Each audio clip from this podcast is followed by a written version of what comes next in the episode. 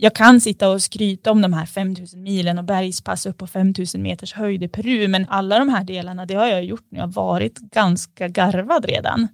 Att cykla ut ur Sundsvall dag ett. Ja, men alltså, det, det finns ingenting i mitt liv som någonsin kommer kunna leva upp till det.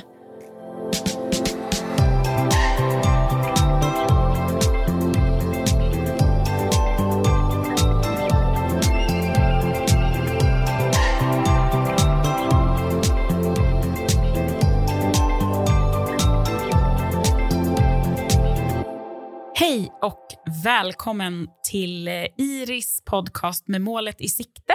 Jag heter Lisa Gustafsson, det vet ni, och med mig har jag som alltid Charlotte Olsson. Och idag så ska vi prata mål. Vår podd heter ju Med målet i sikte och idag kommer vi gå in på lite mer långsiktiga mål. Verkligen.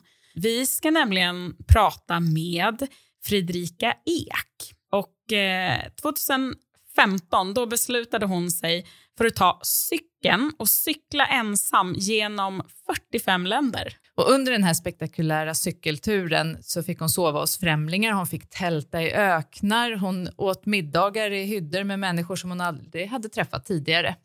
Precis, och nu ska vi prata med Fredrika om att sätta mål, slå hål på fördomar och hon ska få berätta lite om några möten med, med människor från världens alla hörn.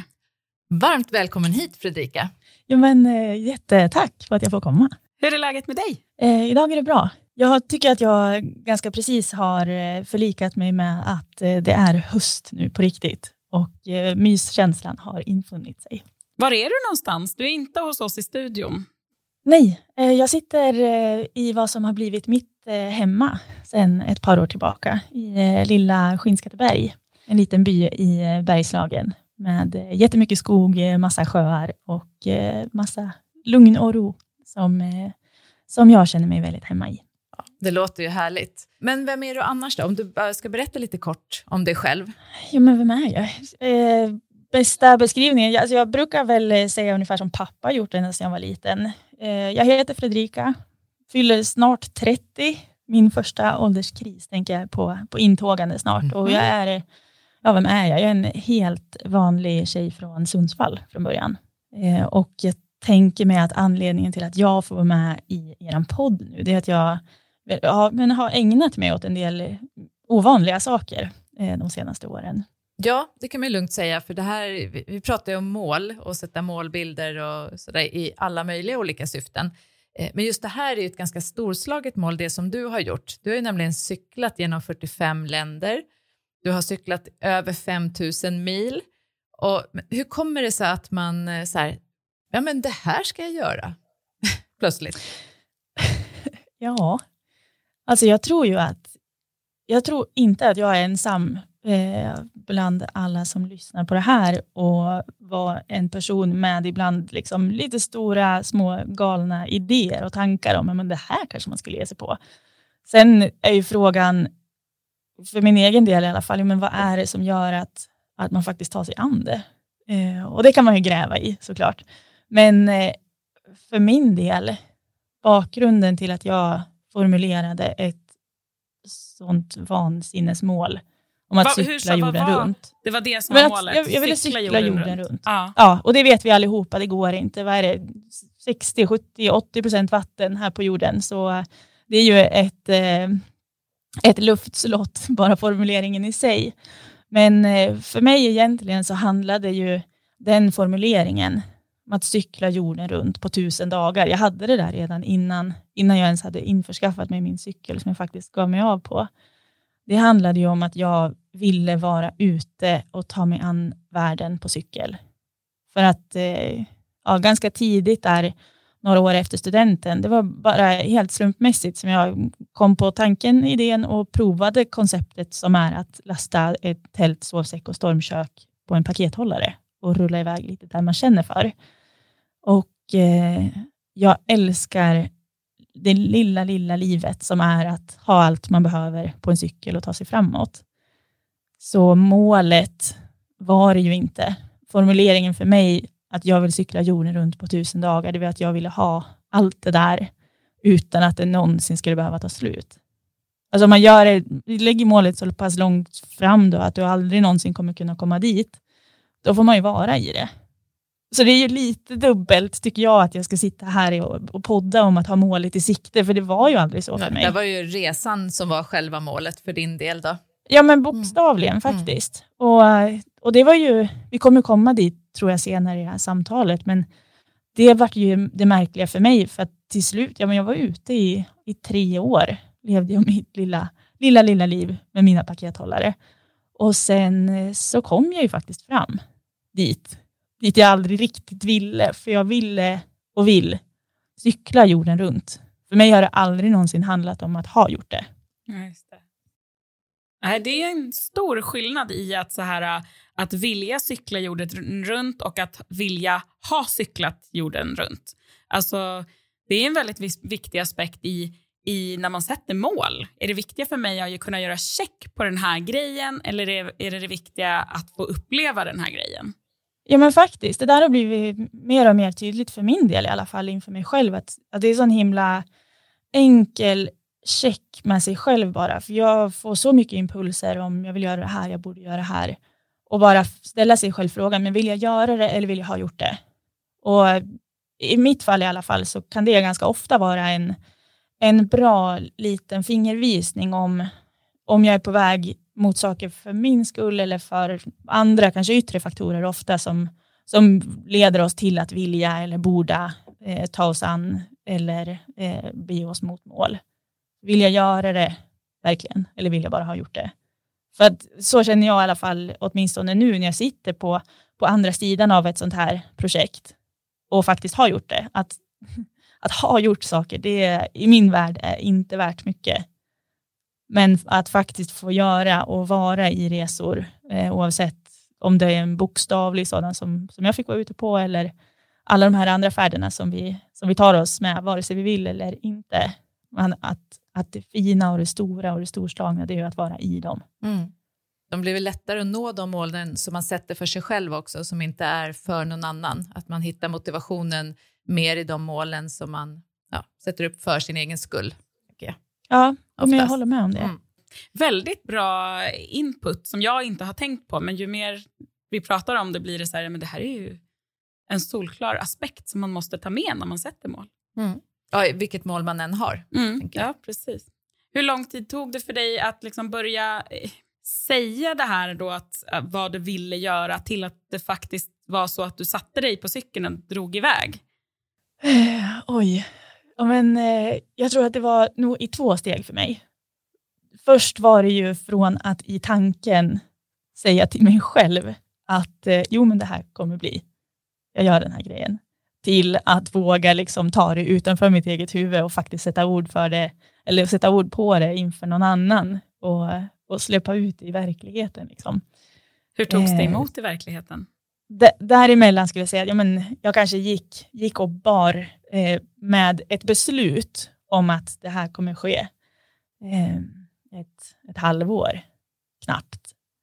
Och sen eh, det var en väldigt speciell kväll hemma hos eh, mina föräldrar som hade bjudit hem mig på spagetti och köttfärssås. Jag var 22 år gammal, en vanlig torsdag liksom, som jag eh, precis innan. Man, man lånar ju sina föräldrars prylar, så det var de som hade en skrivare. Det var perfekt tyckte jag. Jag kunde komma dit, eh, googla fram en världskarta, skriva ut, dra ett blyertsstreck eh, över de flesta kontinenter. Det tar 10-12 sekunder någonting att cykla jorden runt med papper och penna. Och, och helt eh, platt också. Ja, Jättebra. Ja, precis. Det där, det där pappret åkte ju fram då på köksbordet. Mm. Mamma, då släppte du bomben. Jag, jag kom ut som eh, jorden runt-cyklist där. Och eh, jag har väl presenterat tillräckligt många, tillräckligt stora och dumma idéer som det aldrig blir någonting av eh, till mina föräldrar tidigare i livet. Så de, de tog ju det där med ro. Eh, att, ja men absolut, Gör kul, kör på det du.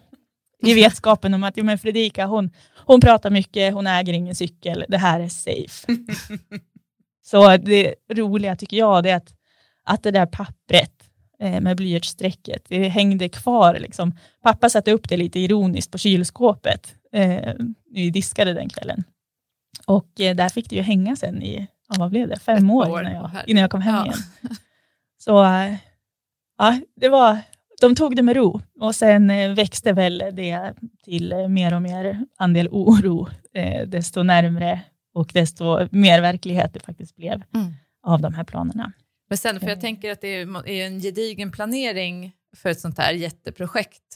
Va, hur började du då för att, och, va, vart börjar du med din målsättning eller med planeringen på resan? Liksom? Vilka, det är mycket delmål i det här. Och vad, ja, men absolut. Och eh, det är svårt och alltså jag känner mig ganska generad ofta när jag tittar tillbaka på de förberedelserna som jag gjorde. Alltså, jag har cyklat jorden runt en gång nu och jag hade kunnat lägga en riktigt vass planering tror jag för ett andra varv nu med allting som jag sitter på. Då hade jag absolut ingen aning om en enda aspekt av vad som väntade. Så självklart ser de här förberedelserna eh, väldigt eh, märkliga ut, speciellt sådär i efterhand.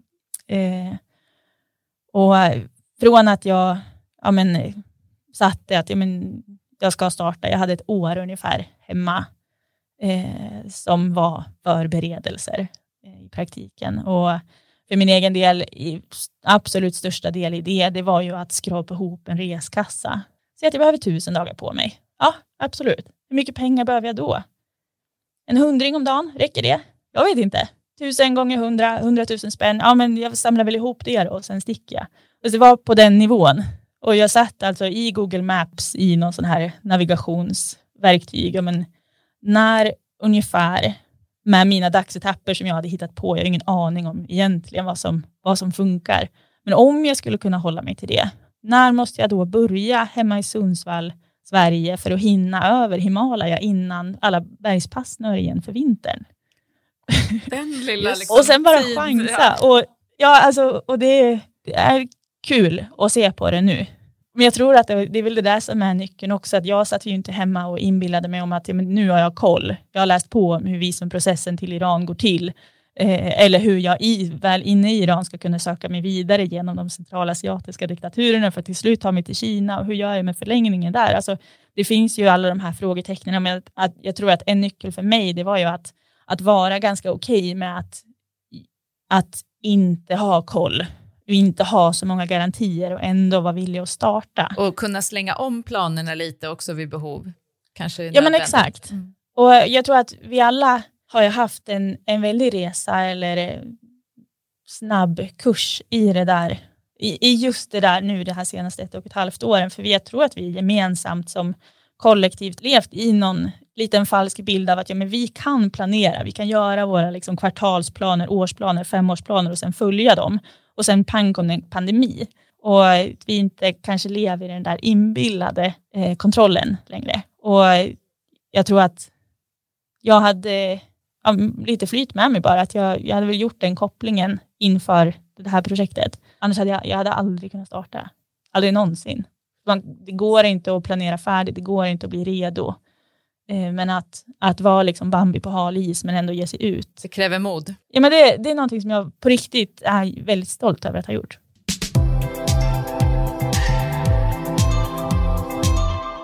Sen var du iväg. Vad har gjort mest intryck? Eller har du några så här delar av den här resan som var speciella, som du vill dela med dig av, som var extra stora upplevelser? Jag kan sitta och skryta om de här 5000 milen och bergspass upp på 5000 meters höjd i Peru, men alla de här delarna, det har jag gjort när jag varit ganska garvad redan. Att cykla ut ur Sundsvall dag ett. Ja, men alltså, det, det finns ingenting i mitt liv som någonsin kommer kunna leva upp till det. Och, och det är väl det där som är det häftiga också. Så äventyrsmässigt, det största jag har gjort någonsin, kommer göra, det var att cykla ut ur Sundsvalls stad den 8 mars 2015 och, och, det var ju mycket liksom med drömmen om det här stora äventyret, om de storslagna naturupplevelserna, allt det där episka, höga berg, stora öknar. Det var det jag drömde om. Men sen i efterhand, det som är den stora upplevelsen för mig, eller det här verkligt livsomvälvande jag har fått vara med om, det är ju att få kliva in i alla de här så avlägsna platserna, eller för mig verkligheter som jag aldrig hade kunnat föreställa mig och få liksom en räkmacka in i vardagslivet mm. hos människorna som ju lever i det. Har du något speciellt sånt tillfälle som du vill berätta om? Något som gjorde mycket extra intryck på dig? Eh, det finns en liten flicka i eh, Guinea Conakry eh, som också heter Fredrika. Hon är min starkaste symbol för allt av vad den här resan eh, blev. Inte vad den började som, men vad den blev. Ja, ja, men jag hade ju varit ute i säg två och ett halvt år. Alltså om Forrest Gump hade ett bra äventyrsskägg, liksom, det var ingenting Mm. med vad jag kände. Det var jag hade, i alla fall. Ehm, jag träffade hennes mamma Fatou eh, en sen kväll, liksom kolsvart regnperiod, ensam hemma med en två dagars baby i famnen. Och eh, säga vad man vill om att, att ta sig fram som en ensam ung tjej eh, ute i eh, stora stygga världen. Men min upplevelse är att det nio gånger av tio har varit mitt absolut starkaste kort. För Fatou var ju inte rädd för mig och jag är inte rädd för henne. Och eh, hon, hon är en av dem som har, eh, har det bättre ställt eh, på den här platsen på jorden. Guinea Conakry är rankat enligt FNs totalrank av levnadsvillkoren eh, i världens länder på 182 av 188 platser om jag inte minns fel nu. Och eh, Fatou lever med elektricitet de allra flesta kvällarna mellan 18 och 21. Hon har en säng eh, och ett tak av plåt som hon bjöd in mig under. Hela familjen var borta, så hon med sin nyförlösta bebis. Eh, och eh, jag tror hon pratade åtta, åtta språk. Inget som jag kunde. Jag hade lite sådär hjälplig franska som vi kunde umgås med under kvällen framför brasan. Eh, och eh, den natten var väldigt speciell. Det ösregnar, alltså det regnar så hårt i de här skyfallen och ner på det här plåttaket som vi låg under. Jag, Fatou och så lilla, lilla baby eh, emellan oss. Och så bara ett sånt väldigt tunt litet malarianät som, som ja, det enda mellan andetagen på något vis. Och allting känns så nära. Eh, är ja, en, en två dagars bebis. På morgonen då så, så kom plötsligt hela familjen hem, eller hela släkten, hela byn, jag vet knappt vad. Och eh, det var ett sånt tillfälle där eh, jag hade redan gränslat cykeln, skulle sticka därifrån fullproppad med grillad majs som jag hade blivit itrugad till frukost. Och eh, Fatou då ropar ut liksom, till alla och mig samtidigt att eh, baby, Sapel Fredrika. Mhm. Vad ska hon Och, heta det? eh, och så var det. Och vi har fortfarande kontakt ganska regelbundet på både. Facebook och WhatsApp. Så jag får ju bilder på den här lilla, lilla tjejen som var Nej. två dagar då och växer så det knakar nu. Eh, Petit Fredrika kallas hon Ja, lilla Mm. Fredrika. Och, eh, nej, men det är jättestort. Inte Mm. minst med tanke på liksom vetskapen om ja, men vad är det för samhälle hon växer upp i. Ett där 97 procent av flickorna könsstympas innan deras tolfte födelsedag. Och det, hon är också en helt vanlig tjej. Ja, men jag är född i Sundsvall, det är inte hon. Eh, och förutsättningarna är liksom, det går inte ens att, det går inte, det går inte att jämföra. Eh, Så hon, henne, eh, lilla Fredrika, det är ju symbolen för allting och eh, även den här stora insamlingen som, som blev mer och mer fokus för mig under, under resans gång. Ja, för du Eh. cyklade ju i ett syfte, eller med den här insamlingen. Eh, vad, vad skulle pengarna gå till? Till lilla Fredrika. Ja. Nej, skämt åsido, men eh, jag, innan jag startade, och då hade jag eh, formulerat den här insamlingen, ett eh, försök till att dra ett strå till någon slags stack. Eh, och jag ville samla in pengar till organisationen ActionAid, som eh, de jobbar globalt, eh, finns i 45 länder. Det är lustigt nog samma antal länder då, som, som jag sen cyklade igenom. Finns världen över med uppdraget att eh, eh, säkra egentligen de mest grundläggande mänskliga rättigheterna för världens flickor och kvinnor. Och eh, det är det som också blev så starkt och liksom blev påfyllt under varenda dag egentligen längs vägen. Jag tar mig igenom de här kulturerna, eller många diktaturer, många väldigt lågt utvecklade länder där just kvinnor, just flickor ju alltid är den grupp som faller allra mest eh, där bak, där förtrycket slår allra hårdast. Och eh, ja, jag hade formulerat den här insamlingen där, där egentligen från början bara med, vänner och familj till mig var med och skänkte en krona eller 50 öre per mil jag sen skulle cykla. Men det blev större och större. Det blev alla de här följarna som bara trillade in från olika håll när jag delade bilder och historier och företag. Och det, blev, det växte ju lavinartat det där. Eh, så det blev en, en snöboll jag kunde hålla igång med. Att jag, jag trampade mina mil och eh, längre fram på resan kan man ha, ha finansierat en, en bybarn, bybarnmorska i Senegal redan innan liksom, förmiddagsmackan. Så det, det blir ju och min motivation är alltid starkare desto fler av de här mötena man får. Att, men, det känns märkligt att, att få krama om då lilla Fredrika innan, innan jag ska sticka iväg och lämna henne till hennes öde, precis som jag gör med alla andra människor. Jag äter upp deras mat och sen drar jag. Det har varit jättesvårt att förlika sig med, men, men sen få den där känslan, jag, jag behöver inte cykla från de här människorna, jag kan cykla för dem. Mm. Hur mycket samlade du in? Eh, det blev en dryg miljon någonting. Det där har faktiskt tickat på eh, fortsatt även när jag har kommit hem. Jag fick skriva min bok och mycket av de här föredragen som jag har fått resa runt och göra. Det har ju varit mycket tryck på, på att men mina mil är slut, men om vi hjälps åt så, så kan vi fortsätta göra gott. Eh, så det var också häftigt, för jag, ja, det var en cykeltur, det var en dum idé, det var en grej jag ville göra för mig. Eh, och sen, sen fick det bli så, så mycket större.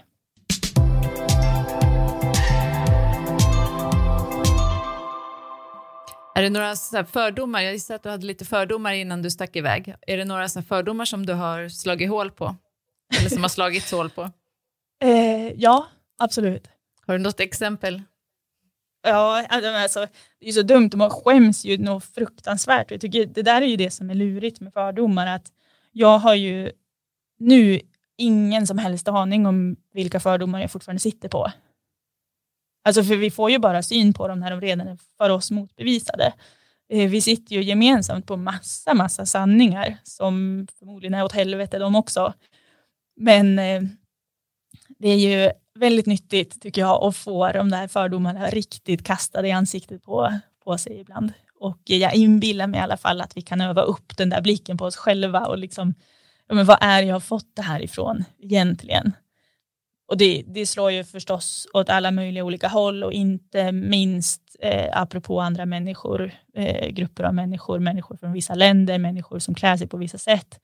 Eh, vi behöver liksom inte definiera det mer än så, tänker jag. Men ett dumt exempel är att jag, jag cyklade alltså runt, jag rundade bokstavligen Rumänien på cykel för att jag hade hört att där är hundarna väldigt, de är, de är så galna, de är så arga, de bits och de slåss och de jagar dig. Eh, så jag missade ju ett av Europas vackraste bergskedjor där, eh, när jag cyklade runt Rumänien 2015. Eh, så det är ett dumt exempel, men eh, jag tror inte mindre värdefullt är också att få syn på, på fördomarna man har om sig själv och sin egen förmåga. Mm. Ja, För där är vi också väldigt överens om vad vi kan och kanske framförallt inte kan göra och ge oss på. Eh, så det är väldigt skönt att få, få dem liksom kastade för vinden och sen, sen blir man väldigt fri. Men hur blev du bemött? Hade de som, som du cyklade förbi fördomar om dig kanske? Eller, eller? 100 procent, det, det tror jag just de här äh, fördomar som kan vara i negativ bemärkelse, de blir ju en tröskel mellan människor hela tiden. Så de, de som kanske jag har haft starkast fördomar mot, eller de, de människor har haft väldigt starka fördomar mot mig, vi kommer ju aldrig mötas. Och det är det som är så farligt, för det kommer aldrig bli motbevisat, utan vi håller oss på avstånd och sen behöver vi aldrig få det där testat riktigt. Eh, så jag tror att det krävs det krävs ju en öppenhet och det krävs en nyfikenhet och det krävs ett mod eh, att, att våga släppa in. Eller att våga öppna upp och våga riskera liksom, att få den här fördomen bekräftad. Och för min egen del, jag har ju varit, jag, jag har rullat in på min cykel. Jag har haft en ganska utsatt situation där jag redan på förhand har behövt fördika mig med att jag kommer behöva andra. Ja, absolut, jag har gjort den här cykelexpeditionen solo runt jorden, men jag har inte för en dag i mitt liv varit ensam i det. Utan det finns liksom, det är tusentals människor utspridda längs det här lilla pärlbandet som jag har cyklat längs med som, som jag har varit mina supportcrewn hela tiden. Eh, däremot jag har ju, jag har ju tvingats in i en situation, eller satt mig själv i en situation där jag måste förlika mig med att jag behöver sträcka ut mina händer, jag måste våga, våga komma nära. Men däremot de här människorna som, som ju är hemma i sin trygga bubbla, det tycker jag är fantastiskt, att de i sin vardag har liksom valt att kliva ur. Ja, men här kommer en skitig utlänning på en hoj. Förstår inte ett ord vad hon säger, hon gör allting fel, äter, alltså ingenting stämmer. Och ändå har de valt att öppna sina dörrar, bokstavligen.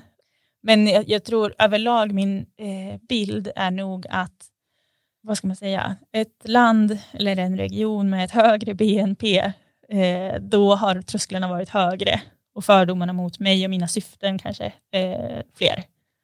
Och sen i och med en utvecklingsgrad, eh, rikedom sjunker, desto öppnare har, eh, eller desto mer välkomnad har jag känt mig. Och eh, det står ju lite stick i stäv med den här bilden som annars oftast har kablats ut till mig, att ja, men, när det kommer till säg, fattiga länder, mindre utvecklade länder, ja men där ska jag passa mig, för där har de den här bilden av västerlänningar, eller jag är för rik, jag är för ta din cykel och alla dina saker. Ja men precis, och det där, jag, jag har åtminstone, jag, jag har bara min egen upplevelse, men den är i diametral motsats till eh, den här bilden. Har du varit rädd någon gång, eller vad är det svåraste du har råkat ut för under resan? Jag var rädd för helt andra saker när jag gav mig av än vad som faktiskt blev ja, svårigheterna där ute, eller vad man ska säga. Vad var du rädd för när du gav dig av? Alltså, vad... Men då, då var jag ju rädd för hundarna i Rumänien ja, och vad männen i Iran skulle göra med mig ungefär. Mm. Eh, om man ska vara krass. Eh, och vad var det läskigaste då? Var inte de två sakerna gissar jag? Nej, det var ju inte det.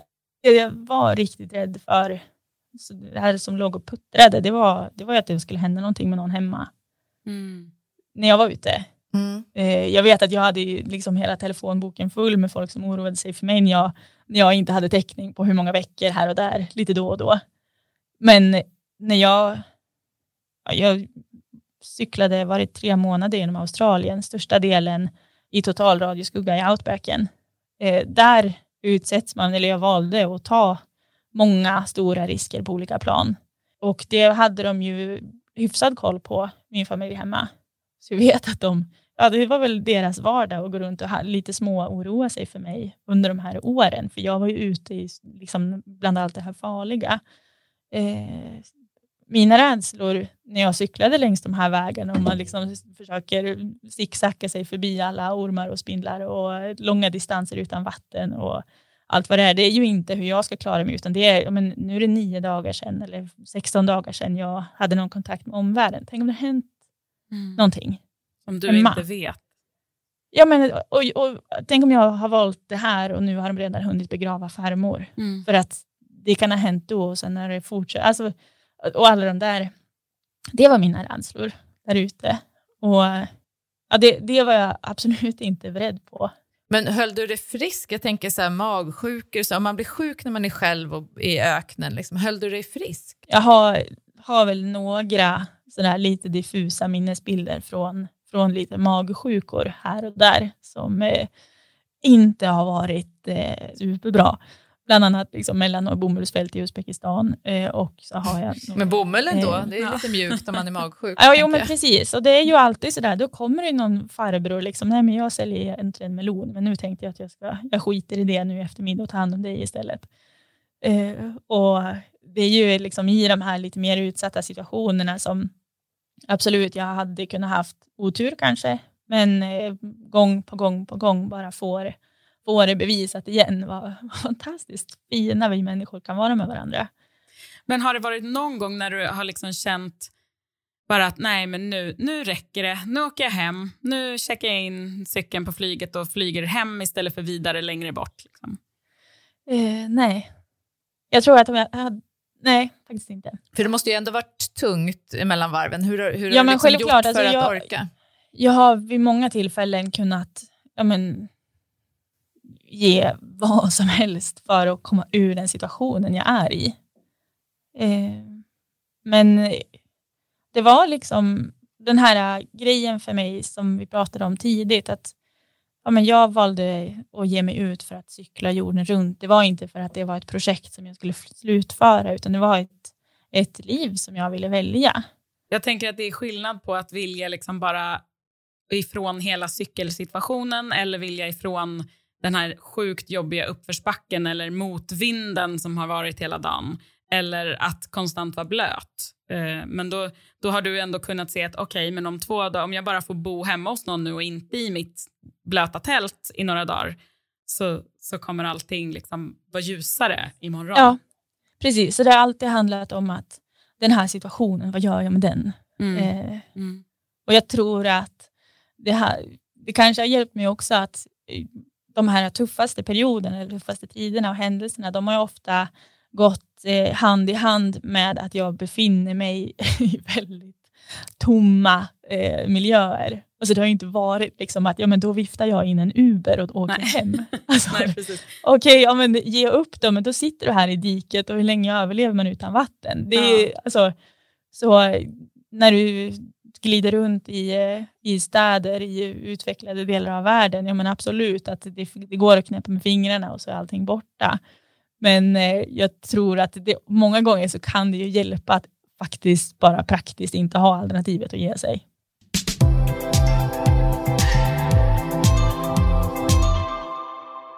Har du något tips till eh, någon som sitter och lyssnar nu som har någon så långsiktig dröm och må, långsiktiga mål och drömmar? Var, var, ska man börja och hur kan man göra? Ja, men eh, igen, så jag tror ju överlag på att börja överhuvudtaget. Alltså det grundläggande konceptet, att, att inte behöva vara redo och färdig för det. Eh, och Det är ju en frustrerande grej liksom att för första gången vara duktig på någonting när det redan är klart. Men jag tror tyvärr att det, det är nog den ordningen det måste få bli. Lära sig längs eh, vägen. Ja, men precis. Och eh,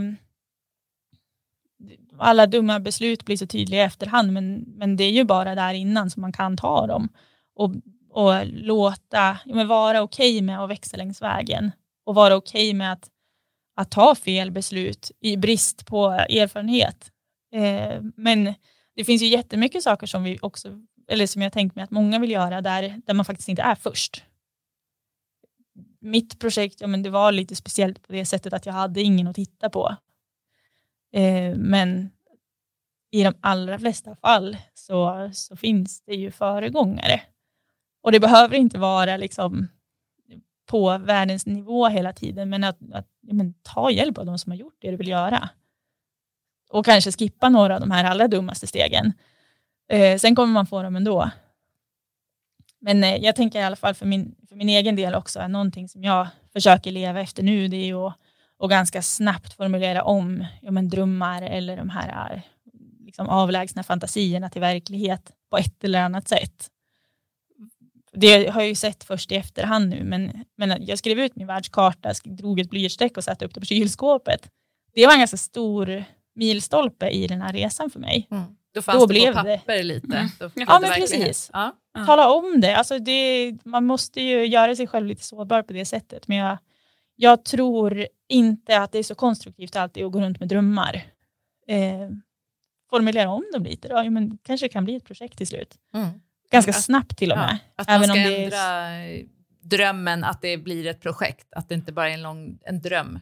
Utan att det verkligen... Ja men faktiskt. Mm. Eh, och sen igen då, hålla koll på sig själv.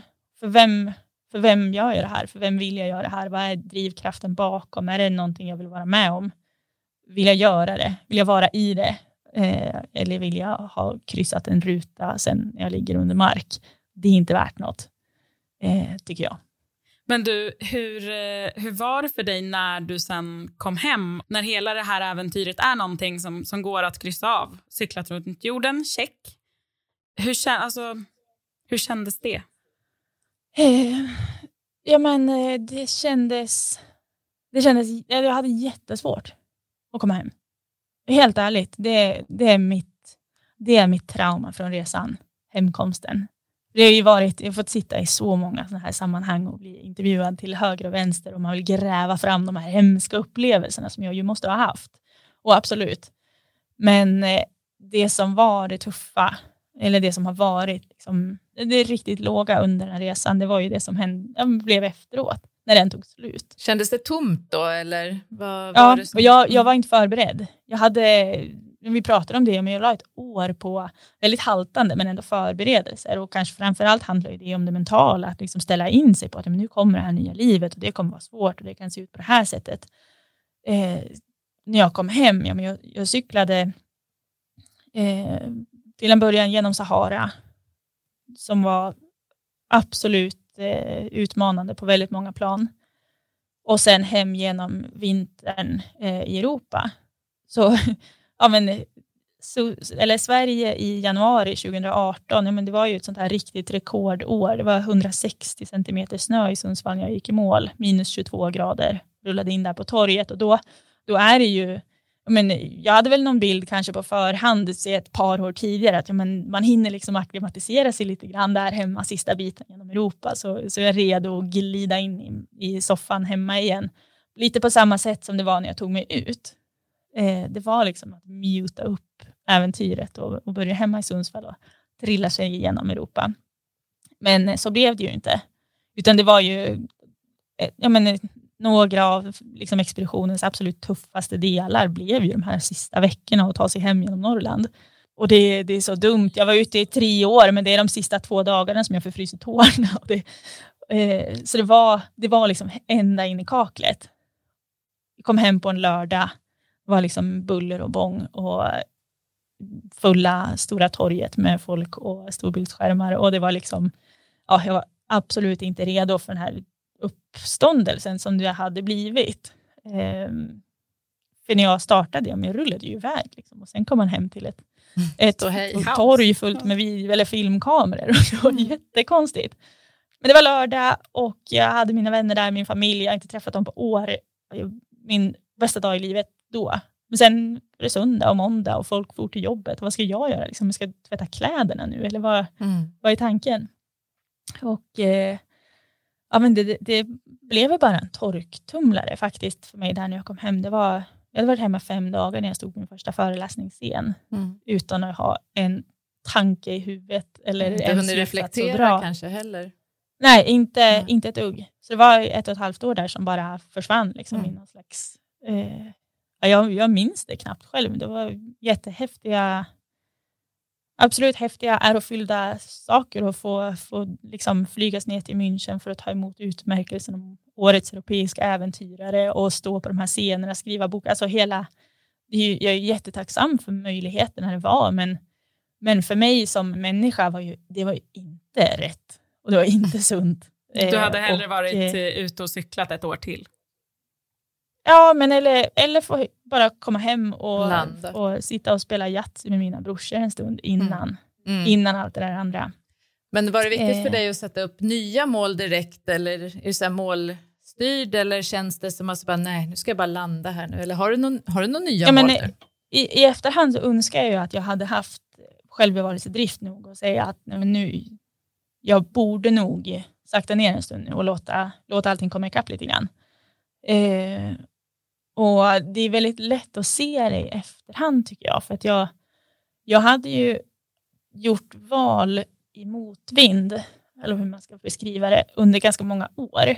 Alltså det fanns ju inte en människa som tyckte att det verkade som en bra idé, det jag i praktiken sålde och gav upp hela mitt liv för att göra.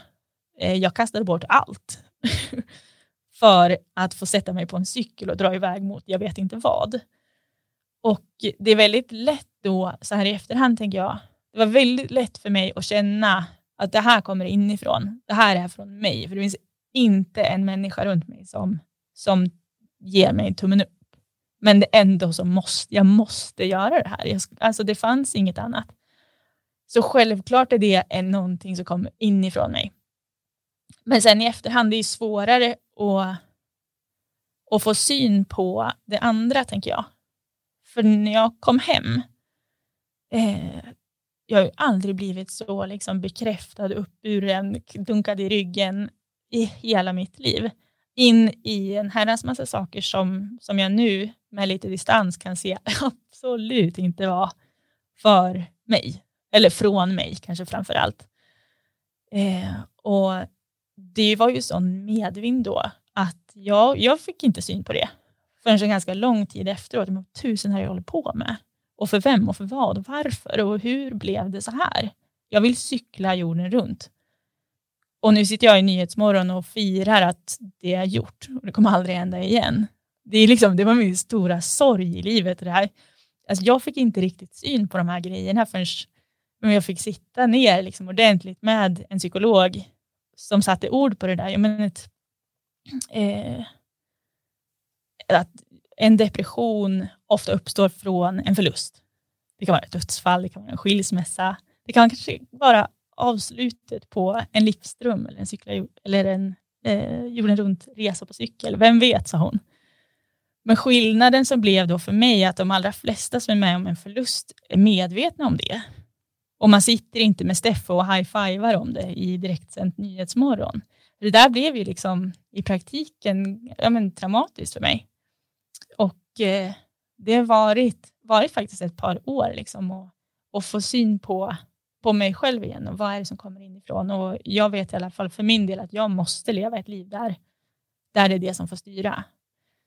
Eh, för då vill jag vara med om det. Jag vill inte ha gjort det. Det var, det var ett par år där med jättemycket så coola grejer att ha gjort. Eh, värdelöst att vara i. Och eh, det har varit liksom, nu har jag en väldigt lugn och liten vardag här i Skinsberg, för det här mm. jag vill vara på jorden. Mm. För mig, det ger mig ingenting och det är inte coolt att säga till någon. Men eh, för mig och i mig så känns det att ja, men det här vill jag vara i. Mm. Jag vill inte ha varit här och sen flytta ifrån och kryssa en ruta. Nej, men vad fint. Det var ju faktiskt fina slutord tycker jag och viktiga reflektioner för att jag tror att många upplever samma som dig när man kämpar mot ett mål och sen är det över och då fylls man av den här tomheten och hur man hanterar det. Det är oftast delar som man glömmer att prata om. Det är oftast det här wow, high-fivandet till resultatet och sen då? Ja, och så att, så att ditt nya mål, är det att, eh, att mer att leva det livet du vill, vill leva? Ja, men precis. Alltså det, det som är mitt liv nu, eh, det är att jag är Sveriges absolut stoltaste faster. Jag vill bara vara med lilla Svea som har fötts och finns och är bäst i hela världen. Och eh, jag fortfarande, jag var ifrån min familj och alla människor som betyder någonting för mig under tre års tid. Och jag har varit hemma i flera år nu, men det räcker inte. Jag vill bara vara nära mina, mina viktiga. Och sen fortsatt så är jag en person som går igång på att få slita och att få lösa problem och att få känna att den här dagen som jag varit vaken nu, då har jag varit med och bidragit till någonting. Eh, och det är så lustigt, men av en, av en slump så, så ramlade jag in i räddningstjänsten. För det hittade jag som en värld där jag kan ju faktiskt få ut precis alla de här sakerna som jag varit ute efter hela tiden. Men jag får också vara hemma och spela Yatzy med Henrik och mm. Christian. Perfekt ja. matchning. Eh, så, så det, jag är mest mm. förvånad av alla tror jag. Men eh, idag så både jobbar och utbildar jag mig till brandman. Eh, drar runt fortsatt med lite föredrag på mitt sätt här nu i, i lagom takt mm. och eh, cyklar i smyg utan att alltid berätta för folk hur och var och när och hur högt jag tar och mig. Slippa prestationen eller andras. Ja, men ja, bara faktiskt lite på test. Så mm. jag ju, det har blivit ett jätteintresse för mig att fota. Eh, mm. Det blev det medan jag var ute och det är världens bästa. Men sen det har, det har blivit faktiskt mitt bara mm, ett litet kontrolltest under en period och vill jag fortfarande göra de här sakerna, vill jag cykla verkligen och vill jag fota, vill jag göra de här jättevackra eh, brasorna på kvällarna över sjöarna om ingen vet om det. Om det bara är för mig. Och eh, jag är jätte, jätteglad för att svaret är ja. Eh, så det är ju, jag, jag, lever på så som jag alltid har gjort, men, men bara för och med mig.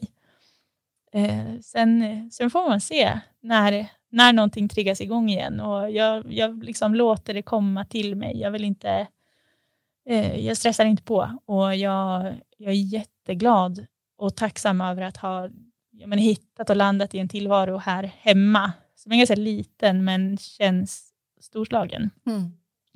Ja, jättefint. Vi är jätteglada att du har velat vara med oss här idag och dela mer av dina viktiga erfarenheter och liksom andra vinklar och eh, synsätt på det som du faktiskt har gjort. Det är också det är jättefint. Ja, verkligen. Jag känner att jag har fått jättemånga insikter här av att prata med dig. Så tack Ja, men- snälla för det. Ja, tack för ett jättefint samtal.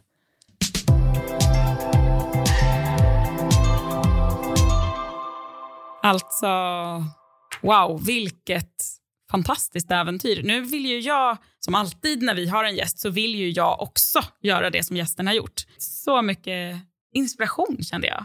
Och vad modig hon var. Bara att cykla till en, en annan stad och lämna Sundsvall är ju ett jättestort kliv. Och tänk bara möta människor, man, man behärskar inte språket, man ska behöva alltså sätta sin tillit till massa andra människor och massa faror som lurar. Och inte bara den fysiska utmaningen utan också den psykiska.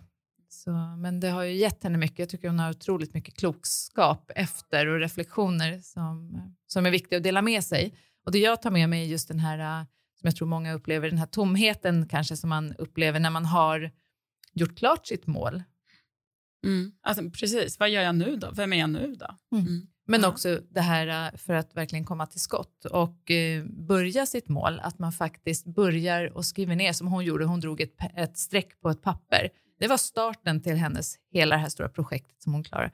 Och det tänker jag, det är kanske det man ska göra. Skriv in det i kalendern, printa ut ett blad, gör en anteckning. som Plocka ner det på något Mm. vis så att det blir lite konkret. Men jag tycker också att hela det här tänket kring att, att se på mål utifrån, är det här någonting som jag vill göra eller är det någonting jag vill ha gjort? Jag kan ju bara se till mig själv, som ni som har lyssnat länge på podden vet att jag hade ju som mål att jag ville, jag ville ha högskolepoäng. Det var ju någonting jag ville ha liksom bock på. På papper. På liksom. papper. Mm. Jag vill ha check på den. Men det blev ju liksom aldrig av förrän jag hittade en kurs som jag ville göra. När jag gick den så handlade det ju aldrig om poängen. Jag ville ju inte att den skulle ta slut. Nej. Du vill ju Eh. lära dig något om röster och Ja, ha nytta precis. och glädje av det här. Ja, Mm. och jag tänker att det kan man sätta i, i många andra sammanhang. Alltså, söker jag jobb, är det så att jag, jag vill ha en, så här, japp, jag, jag har ett jobb, check på den. Eller söker jag någonting att jobba med, någonting att göra? Då blir det liksom lite annan infallsvinkel.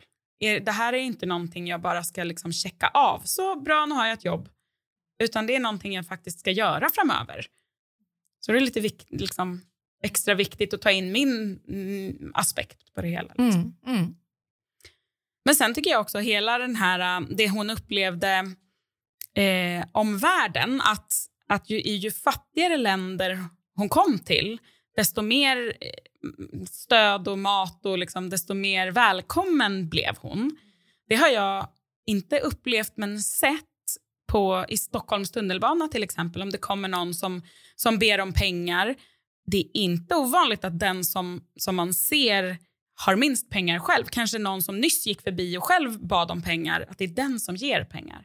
Så att ju mindre man har, desto mer är man beredd att dela med sig av på något vis. Det handlar nog om att de har helt andra perspektiv. Att Mm. man vet hur det är att känna sig utsatt eller att man har det svårt och Mm. att man då förstår en annan människas behov bättre. Precis. Mm. Ja, en viktig insikt också.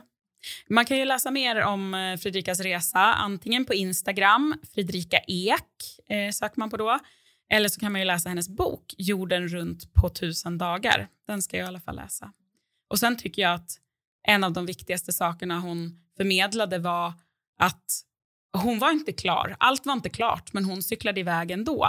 Och så är det väl ofta med mål eh, och planer att de kommer aldrig bli av om de ska vara perfekta. Eh, utan ibland måste man bara kasta sig ut. Och ut, håll i dig och, och häng med och Ja. lös sakerna Längst allt där. eftersom. För det kommer ändå aldrig bli ex- exakt efter planeringsboken, tänker jag. Så, Precis. Så. Gjort. Ja, ut och bara gjort nu hörni. Eh, börja med att gå in på, på vår Instagram och eh, dela med er om vad ni har för mål som ni bara ska ta tag i och göra nu då. Så ses vi igen om två veckor. Ha det bra så länge. Hej då! Hej då.